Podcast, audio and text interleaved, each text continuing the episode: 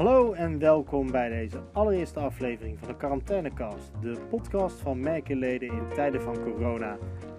Mijn naam is Olivier Verpaas, belangenbehartiger bij de ANWB en ik maak deze podcast om merkenleden beter te leren kennen. Vandaag praat ik met Mike Pinkaerts. Mike werkt sinds 1991 als belangenbehartiger bij de ANWB en houdt zich bezig met consumentenrecht en reisrecht.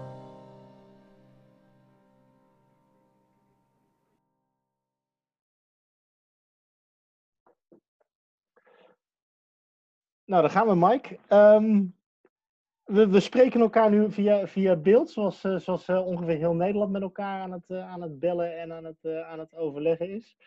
Hoe, als eerste vraag, hoe kom jij door deze quarantainetijd heen? nou, de dagen zijn gevuld eigenlijk als andere dagen. ik deed al best wel veel op afstand, omdat ik veel contact heb met internationale clubs. Dus dat doe je eigenlijk al via telefoon. Uh, maar ik mis natuurlijk wel de koffie met collega's en de grappen en de gollen. Uh, maar goed, uh, thuis probeer je ook een vorm te vinden. Mijn vrouw die werkt ook thuis, die heeft voor een maand werk meegekregen vanuit het gerecht. En we proberen nu een beetje structuur te krijgen, want je wordt toch ook gewoon tijdens pauzes, tijdens eten gebeld. En dat is voor een deel is dat waan van de dag, maar dat is ook voor een deel dat mensen zeg maar uh, ja, niet gelijk eten. En uh, dan merk je dat de patronen toch uh, elkaar gaan lopen. Dus die structuur, dat is nog even de uitdaging om die in het leven te krijgen. Ja, ik herken dat wel. Ik merk dat bij mezelf de, de scheidingslijn tussen werktijd en vrije tijd, dat dat steeds dunner wordt. Dat ik s s'avonds denk van nou, ik verveel me. dat ik normaal gezien een dag op kantoor, dat ik dan dacht van nou, dan ga ik tv kijken of, of, iets, of iets voor mezelf doen. Dat ik nu denk van nou, ik zet mijn, eh, ik zet mijn computer nog, eh, nog even aan. Hey, we hebben het al gehad over, over werk en, en, en ik wil het vandaag eigenlijk met je gaan hebben over die eerste reactie op, uh, op corona. Um, en daarin heb jij natuurlijk een grote rol gespeeld. Uh, zeker in die repatriëring van, uh, van reizigers uit, uit alle delen van, delen van de wereld. Um, wat, wat je als allereerste zag, en dat vond ik, dat vond ik, uh, vond ik heel opvallend, is dat, uh, dat een hoop vluchten geannuleerd werden, ook al, uh, ook al de, toekomst, de toekomst in. Waar, waar, hebben, waar hebben reizigers recht op? Waar moeten ze rekening mee houden op het moment dat zij. Um, en wat hebben wij gedaan als ANWB op het moment dat die, dat die vakantiereizen en die vluchten geannuleerd werden? Um, nou ja, dat is natuurlijk een hele moeilijke. Um, waar hebben mensen recht op? Uh, als er niet meer wordt gevlogen en er mag niet meer worden gevlogen, dan moet je gaan kijken van of er een alternatief is wat acceptabel is voor uh, mensen. En dat is best wel moeilijk na te gaan. Het gaat om zo'n immense grote hoeveelheden aan Nederlanders die in het buitenland zaten. dus het is altijd kijken van, uh, nou ja, waar heb je recht op, maar ook wat is redelijk uh, gezien de omstandigheden. Uh, maar het, begon eigenlijk vooral met het, het, het, monitoren van hè, waar gaan de grenzen dicht. Hè, dat hebben we echt nauwgezet bijgehouden en dat, dat veranderde soms per uur. En waar kunnen mensen wel nog reizen? Dus uh, je zag dat uh, vluchten, zeg maar, de ene na de andere allemaal geschrapt werden. En het ging dus eigenlijk om de puzzel van uh, waar zijn er wel nog vluchten en waar kan je mensen nog steeds door laten reizen. Want wat, wat, gebeurt, wat gebeurt er op jou op het moment dat jij in een land op vakantie bent en, en je hoort dat, dat de grenzen dichtgaan, maar dat je eigenlijk nog een week vakantie hebt? Wat, wat, wat, wat gebeurt er dan? Wat moet je dan gaan doen? Uh, of wat komt er op je af? Nou ja, je hebt zeg maar globaal twee uh, situaties. Eén is, hè, die kennen wij ook heel goed vanuit de reisdochters. Dat is dat mensen hè, met een pakketreis op weg zijn. Nou, dan heb je de luxe en het comfort van een, uh, een, een, reisbegeleider, zeg maar. Die hè, neemt eigenlijk die taak op zich om te kijken van waar kunnen we wel nog vliegen, niet vliegen. Ehm, of je de reis zelf door laat gaan, dat hangt natuurlijk ook af van uh, de adviezen van buitenlandse zaken. Daar waar zij uh, het gebied op rood zetten of oranje, kan je als reisorganisator niet meer de reis laten doorgaan. Ehm, zonder het risico zelf te krijgen van dat zo'n reisorganisatie verantwoordelijk is voor alle schade die er kan optreden. Dus als zo'n gebied op rood staat, dan moet je gaan kijken van kunnen we de mensen terugkrijgen. En dan hebben we het over, even voor de mensen die dat misschien niet weten, over de reisadviezen van buitenlandse zaken. Dus dat kun je op hun website kun je kaartjes vinden per land, waarin ze uh, in kleurcodes aangeven of het veilig is, ja of nee. En dan hebben ze groen, dat is veilig, niks aan de hand. Uh, geel uh, zijn risico's, oranje is alleen noodzakelijk reizen en rood is, is niet meer reizen. Ja, klopt, klopt. Ja, en we zien dat de hele wereld nu eigenlijk op oranje staat, hè? overgroot, inderdaad, uh, voor sommige gebieden. Uh, dus dat is, uh, ja, in die zin maakt het niet meer zoveel uit. En ja, je ziet het ook van dat eigenlijk alle uh, reizen en alle vluchten, hè, die, die, die zijn zeg maar, nou ja, tot, tot, tot, tot minimale hoeveelheden zijn die teruggebracht. Hè, wat er nog vliegt, dat is vooral repatriëren. Uh, je ziet dat ook nu nog steeds doorgaan, vooral in de hoek van Australië en Nieuw-Zeeland, waar, heel veel mensen nog terug uh, moeten komen. Uh, maar wij zijn eigenlijk al ingesprongen op het moment dat wij andere um, landen zagen overspringen op andere kleuren. Buitenlandse zaken is goed, volgt het goed, maar verzekert zich toch van een aantal dingen, hè, voordat ze dat kunnen publiceren. Terwijl wij al konden zien uh, dat andere landen uh, nou ja, sneller overgingen tot, uh, tot waarschuwingen en tot reisrestricties. En dat was ook goed om als spiegelpunt mee te nemen in die puzzel van dat wij wisten eigenlijk van nou, daar kan ook nog wel eens iets gebeuren. Spanje was er een, een voorbeeld van.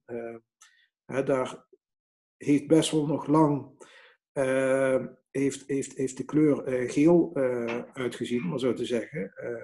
Maar wij wisten al van, nou, dit, dit, dit gaat niet goed. Er komt van alles vanuit die Spaanse overheid zelf naar buiten. dit, dit gaat veranderen. En dan heb je toch nou ja, de voorsprong, zeg maar, van voor dat BUSA de zaak op rood zet. dat je al voorzorg kan treffen voor ja, een grote hoeveelheid reizigers. Ja, ja. En, en dat repatriëren, voor, zodat ik het, dat ik het, dat ik het goed begrijp, dat, gaan dat doen we met onze leden op het moment dat het gebied die kleurcode dus gaat veranderen. Dus zelfs al is de situatie dat bijvoorbeeld een land als Australië of Nieuw-Zeeland, waar je in principe veilig bent, hè, het is geen oorlogssituatie, op het moment dat de kleur verandert, dat, dat Nederlandse buitenlandse zaken zegt, we maken dit van groen-oranje, dan is het ook ANWB-beleid om, om de mensen die er via ons daar zitten, die terug te gaan halen. Ja, de, de, is natuurlijk met de rode kleur, hè, de oranje kleur. Dus een soort van, ja, toch wat tussenkleur. Eh, dan wordt er gekeken van, is het regionaal, is het voor het hele land? Als je het hebt over Australië, dan, is het, dan heb je het over een heel continent. Uh, dus dus wij kijken natuurlijk ook nog van, uh, hoe is het ter plekke? En dat kunnen wij ook omdat we uh, zeg maar met onze reisorganisaties gewoon ook een goede temperatuurmeter hebben ter plekke met alle reisbegeleiding, van hoe het daar is. De, de, de gelden eigenlijk zoveel factoren. je moet ook kijken bijvoorbeeld uh, de route naar, van de bestemming naar de luchthaven. je moet kijken, is de luchthaven zelf nog open? dus het gaat niet eens alleen maar om die vlucht te krijgen, maar ook nou ja, de hele navigatie tot thuis die je bekijkt. Dat gold bijvoorbeeld ook voor, voor Frankrijk, waar we zagen van nou, mensen die met de auto zijn en, terug willen, uh, die moeten nog door Frankrijk en die hebben daar speciale documenten voor nodig. Nou, die hebben we zeg maar uh, samen met dat team uh, hebben die kunnen regelen.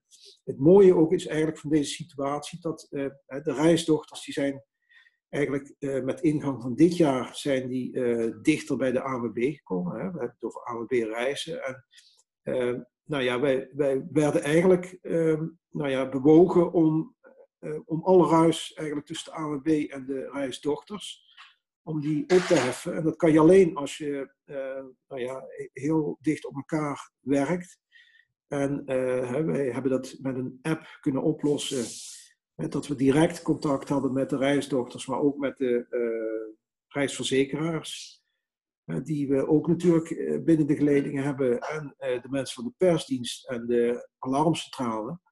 op die manier hebben we dus heel goed elkaar kunnen afstemmen. dat is echt een interne uitdaging geweest en dat, dat is heel goed verlopen.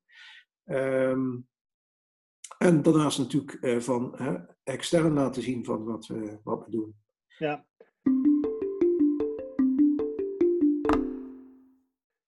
En, want hè, je, bent, je bent, eh, bent belangenbehartiger, dus dat betekent dat je niet alleen intern kijkt, maar ook naar de buitenwereld, hè, de organisaties en de instituties om de ANWB heen. Hoe is die samenwerking gegaan met het kabinet en met name met buitenlandse zaken?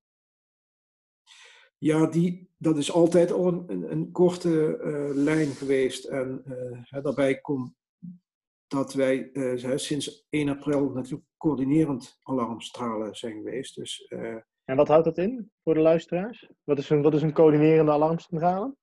Coördinerende alarmcentrale die, uh, uh, nou ja, die staat eigenlijk uh, voor een tijd. Hè, eh, staat die zeg maar boven de andere alarmcentrales. En dat is om te voorkomen hè, dat iedere hulpverlener hè, zijn, zijn, zijn wiel gaat uitvinden. Hè, maar dat die dingen op elkaar zijn afgestemd. Hè. Dus je, je hoeft maar met één heel groot vliegtuig terug te vliegen om de ehm, klanten zeg maar, van alle alarmcentrales uh, te repatriëren. zo werkt dat, zeg maar. Uh, en ook de communicatie daaromheen. dus die, die lijn die, die was wel heel goed. Ehm, nou ja, wat we natuurlijk daarbuiten hebben gezien, is ook uh, vanuit belangenbehartiging hebben we nauwe lijntjes met, met ook met de Europese Commissie. Om te kijken hoe bijvoorbeeld een richtlijn werd uitgelegd om je voorbeeld te noemen, uh, de eerste drie dagen uh, zeg maar, van dat mensen gestrand zijn, is de reisorganisatie verplicht om uh, die overnachtingen te compenseren. Daar ehm, was op een gegeven moment twijfel over. En wij zaten nou ja, helemaal vooraan om te kijken van wat daaruit zou komen. Of de verzekeraar dat op zich zou moeten nemen. Of de reisorganisatie. Dus dat is allemaal hele goede informatie die we heel snel hebben gekregen. Uh, dat geldt eigenlijk ook voor uh, ja, onze uh, contacten met de Kamer. waar je zag dat er tussen de staatssecretaris, de bewindslieden en de Kamer discussie was bijvoorbeeld over, over de vouchers. daar hebben we allemaal helemaal dicht ook onze andere afdelingen kunnen voorzien van informatie uit die hoek. dus dat was het toegevoegde, de toegevoegde waarde van belangenbehartiging. Ja. Als we het over belangenbehartiging hebben, dan ben jij naast het repatriëren van, reizigers die op, uh, op reis waren, dus het, het, terughalen van, van uh, ANWB-leden in het buitenland uh, terug naar Nederland halen, ben je ook bezig geweest met uh, de reizigers die nog op vakantie eh, zouden moeten gaan. De, de vluchten en de vakanties die al geboekt waren voor de komende tijd, maar die nu door alle coronaperikelen niet, meer, niet meer doorgaan. Hoe staan we als ANWB daarin? Uh, nou ja, wij zijn een uh, vereniging natuurlijk, uh, voor en door de leden. 4,7 miljoen leden, dus dat ehm, belang dat staat voor ons zeg maar voorop. Eh, natuurlijk proberen we ook rekening te houden met ehm, de bedrijfsbelangen en de ondernemersbelangen. dus daar vinden we altijd een weg in waarbij beide belangen zeg maar, zoveel mogelijk worden meegenomen. Ehm, je ziet dat hier ook, zeg maar, um, wij weten, zeg maar, omdat we ook juridische experts om, ons heen hebben, dat mensen in principe recht hebben op terugbetaling hè, als er wordt geannuleerd door een uh, ondernemer. Uh, maar wij zien ook hè, vanuit de belangenbehartiging, als je het vraagstuk collectief bekijkt, hè, dat zou kunnen betekenen dat ondernemers gaan omvallen. En dan is die consument uiteindelijk hè, ook niet geholpen als die uh, mee moet draaien in de schulden van een faillissement. Dan ben je als laatste aan de beurt. Ja, want de uh, situatie is nu zo dat um, op het moment dat jij een vakantie of een vliegreis geboekt had dan, uh, en de vlucht wordt geannuleerd, dan sturen veel vliegmaatschappijen, zoals bijvoorbeeld Transavia, bieden dan een voucher aan. Dus die zeggen ja. van niet, je krijgt hè, wij annuleren de vlucht, normaal gezien, hè, in een normale situatie, betekent dat dat jij als consument je geld terugkrijgt. En nu bieden ze je een voucher aan en is geld terugkrijgen eigenlijk geen optie. En waarom doen ze dat? Om ervoor te zorgen dat ze gewoon voldoende cash uh, in, uh, in kas hebben om hun eigen kosten te betalen, om te voorkomen dat ze failliet gaan. Dat is even een, een schets van de situatie. Ja, ja, dat klopt. Dat klopt. Um, nou ja, daarin ga je dus van deel mee. Uh, hè, wat wij zeggen eigenlijk is van als je zo'n voucher uh, hebt en die keuze krijgt, hè, dat er een fundament onder moet zitten. En dat is als eerste dat die vouchers gedekt zijn door een garantiefonds of een garantiestelling. Dat wil dus zeggen van uh, gaat de ondernemer in de tussentijd toch failliet, dat je dan dat geld uit die pot krijgt eh, gestort. we hebben gezien aan de kant van de uh, reispakketten, de ANVR, dat die garantie daaronder zit. Wat is de ANVR? Dat is de Algemene Nederlandse Vereniging voor Reisorganisaties? Ja, ja, ja, klopt. daar zijn we ook lid van. En daar zijn onze reisdochters lid van. En die spaarpot die is eigenlijk door de jaren heen tot stand gekomen. En dat kan dan worden uitgeput als er uh, bedrijven omvallen. Um, dat was dus niet zo bij de recreatiebranche. En uh, we zijn nog steeds aan het, uh, aan, het, aan, aan het kijken van hoe daar een oplossing kan komen. deze week nog zitten mensen van de Recon HISWA, die zitten samen met Mona Keizer te kijken of we samen ook met provincies dat toch in, uh, ja, in, in alle haast een uh, fonds uh, aan kunnen koppelen. Ehm, dus dat is e eigenlijk één voorwaarde waarvan we zeggen van daar moet je echt heel goed naar kijken als consument als je hè, voor zo'n voucher kiest, kiest.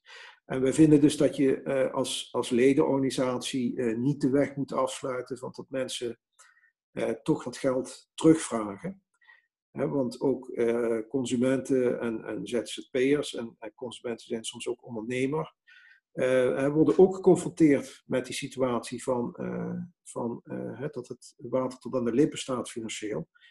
dus voor die situaties willen we dat een consument toch nog dat geld terug kan krijgen. Ja. Dat zijn eigenlijk twee belangrijke voorwaarden die wij stellen zeg maar, aan, aan die voucher en de consumenten meegeven om daar goed naar te kijken. Ja. Hey Mike, als afsluitende vraag. Hoe denk je dat de, de reiswereld eruit gaat zien als corona straks voorbij is? Als we, als we weer terug naar normaal gaan?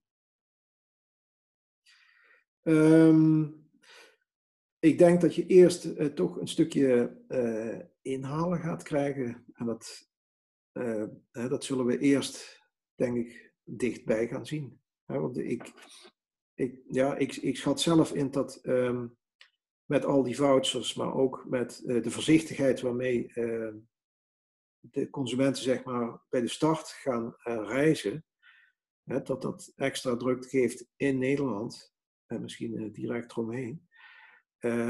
en kijk, die symptomen die kunnen we nu ook al zien in onderzoek, is dat de consument toch op die duurzame weg verder wil. Dus dat zal ehm, best wel uh, consequenties hebben, ook los van corona, dat er uh, meer bewust zeg maar, wordt gereisd. En dat is eh, dan minder vliegen, meer trein, meer elektrische auto? Of is dat meer vakantie dicht bij huis? Ja, het loslaten van de vakantie zullen mensen echt bijna nooit doen. Ook al heb je het financieel moeilijk, echt mensen die willen blijven ontspannen hè, als afwisseling van werk. Dus dat zien we niet in gevaar komen, maar uh, de manier waarop ze gaan reizen uh, wel. En, uh, um, we hebben zeg maar ook in deze tijd hebben we dus um, ons via ons onderzoeksbureau bureau Blauw hebben we zeg maar nou ja, grote hoeveelheden mensen ondervraagd van wat hun plannen zijn, hoe ze dat willen insteken en, uh, dus, dat is heel recent onderzoek. En daar kun je dus zien van dat mensen dus ondanks hè, al, alle tegenspoed hè, toch verkiezen om uh, duurzamer te gaan reizen. En nou ja, de houding en het gedrag zijn altijd twee verschillende dingen, maar het ziet er wel naar uit dat dat wordt meegewogen. Dus misschien toch dat we iets bewuster reizen kan, gaan krijgen. Hè? Dus dat zou misschien kunnen uh, betekenen iets minder ver, uh, iets minder vaak en uh, meer oog voor, voor duurzaamheid. Ja. En kan dus ook ja, elektrische auto of, of, of trein. We denken dat OV de eerste tijd nog wel eventjes rustiger zal zijn. dus meer auto vooral.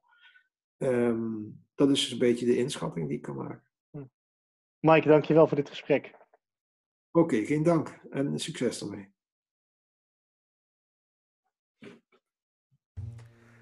Dank voor het luisteren naar deze allereerste aflevering van de Quarantainecast. Zoals je waarschijnlijk nog hebt kunnen horen, is het nog een experiment. En ik ben vastberaden om meer en meer interessante afleveringen te gaan maken. Dus ik ben open voor al jullie tips, jullie op- en aanmerkingen. En verder rest het mij alleen nog maar te zeggen: houd vol.